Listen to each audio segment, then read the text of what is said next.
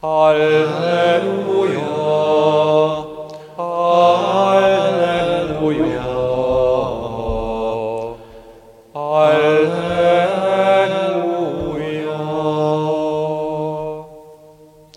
Az Úr legyen veletek.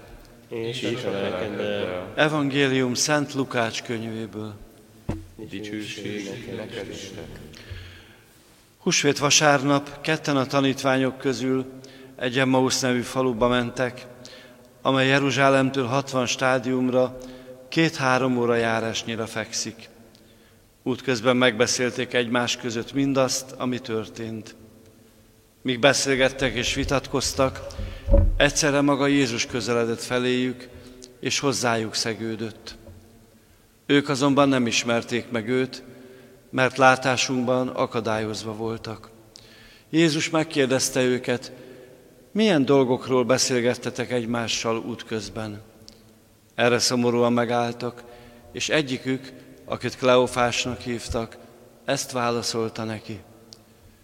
Te vagy talán az egyetlen idegen Jeruzsálemben, aki nem tudja, hogy mi történt ott ezekben a napokban. Ő megkérdezte, miért, mi történt? Azok ezt felelték.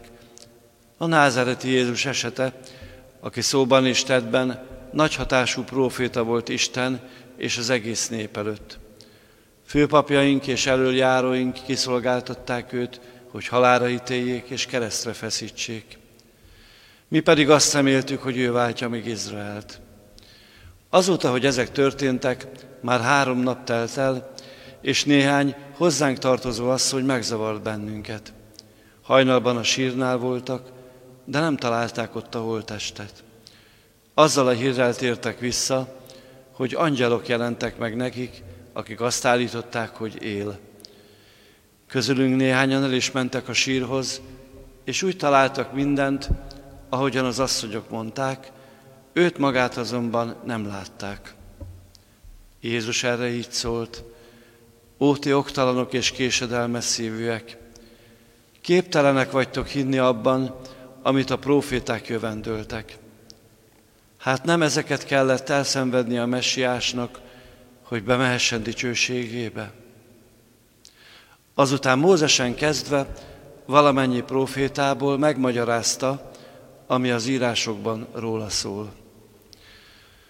Közben odaértek a faluhoz, ahová tartottak. Úgy tett, mintha tovább akarna menni, de azok marasztalták és kérték, maradj velünk, mert esteledik, és lemenőben már a nap. Betért tehát, hogy velük maradjon. Amikor asztalhoz ültek, kezébe vette a kenyeret, áldást mondott, megtörte, és oda nyújtotta nekik. Erre megnyílt a szemük, és fölismerték, de ő eltűnt előlük. Akkor azt mondták egymásnak, ugye lángolt a szívünk, amikor útközben beszélt hozzánk, és kifejtette az írásokat. Még abban az órában útra keltek, és visszatértek Jeruzsálembe. Ott egybegyűlve találták a tizenegyet és társaikat. Azok ezzel fogadták őket. Valóban feltámadt az Úr, és megjelent Simonnak. Erre ők is elbeszélték, mi történt az úton, és hogyan ismerték fel Jézust a kenyértörésben. Ezek az evangélium igéi. Áldunk téged, Krisztus.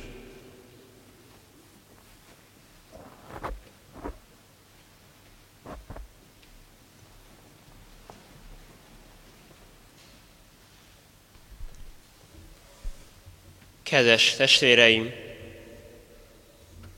Az evangéliumunk egy keretbe rendeződhet.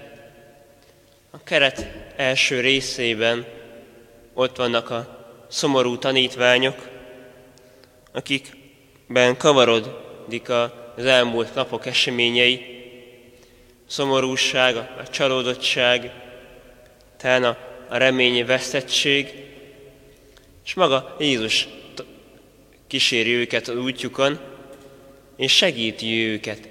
Nem leteremti, hanem hogy elmondja, hogy Mózesen kezdve a proféták hogy jövendöltek róla. hogy Izaiás a szenvedő szolgáról beszél, hogy Mózes felemeli a, a kígyót a pusztában, és akire föltekintettek, az, az meggyógyul. Hogy mindez bizony nem véletlenül történt, az isteni terv része volt. És bizony mi szerencsés vétek volt Ábra Ádámé, amely ilyen üdözítőt adott nekünk, ahogy hallottuk az eszútetben. A keretünk másik része a, vacsora, tetszik az eukarisztia jelenete, amit a görög szöveg nagyon szépen kifejez, hiszen a hálát adott és a, megtört kifejezések aorisztoszban vannak, azaz egyszeri eseményt jelent. Mint ahogy egyszeri esemény, mint a Szent áldozatban hálát adunk és megtörjük a kenyeret. De az, hogy adott a tanítványainak, az bizony az imperfektumban áll, ami folyamatos módot jelöl, hogy ez az adás, ez nem csak ott történik, hanem mindig, minden szentmisében Jézus a saját testét adja, és a saját vérét adja nekünk. Hogy ez, amíg szentmise van így a Földön, ez mindig folyamatossá válik Jézusnak ezen cselekménye. De mégis egy apró mozdulatot szeretnék, mozdulatot eh, kiemelni a történetünkben, amikor Jézus úgy tesz, mintha tovább akarna menni. Hogy Jézus vajon miért tesz úgy, mintha tovább akarna menni? Azért, hogy az ember sose passzív legyen. Hogy mondhassa azt, hogy maradj velünk, Urunk. Maradj velünk, mert esteledik. Maradj velünk, mert sötét lesz. Maradj velünk, mert amikor sötét van, hideg lesz.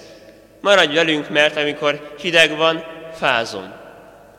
Amikor fázom, akkor az nekem rossz. Rossz egyedül, nincs, aki betakarjon. Egyedül kevésnek lenni, a lelki fázásban, a lelki szárasságban, a, tetszik a sötétségben. És az ember, amikor felismeri azt, hogy szüksége van az Istenre, akkor megszólítja, mint ahogy a Szent Leckében megszólítják Péter apostolt. Kell egy pozitív cselekvény is, cselekvés is, nem pusztán a, a passzivitás az Isten kapcsolatunkban, hogy töltsön be az Isten, érintsen meg, tetszik, én majd ott meditálok is, majd, majd megérint, hanem szólítanom kell az Istent. Uram, maradj velem! Uram, érezzelek! Uram, hallhassalak! Uram, kíváncsi vagyok rád! Uram, folytasd!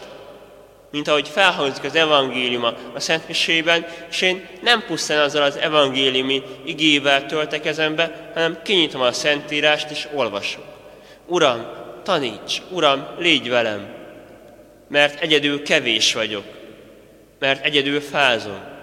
Mert egyedül rossz lenni. De hogy veled vagyok, akkor már az Istennel vagyok, és ha az Istennel vagyok, akkor bizony soha semmilyen körülmények között nem vagyok egyedül.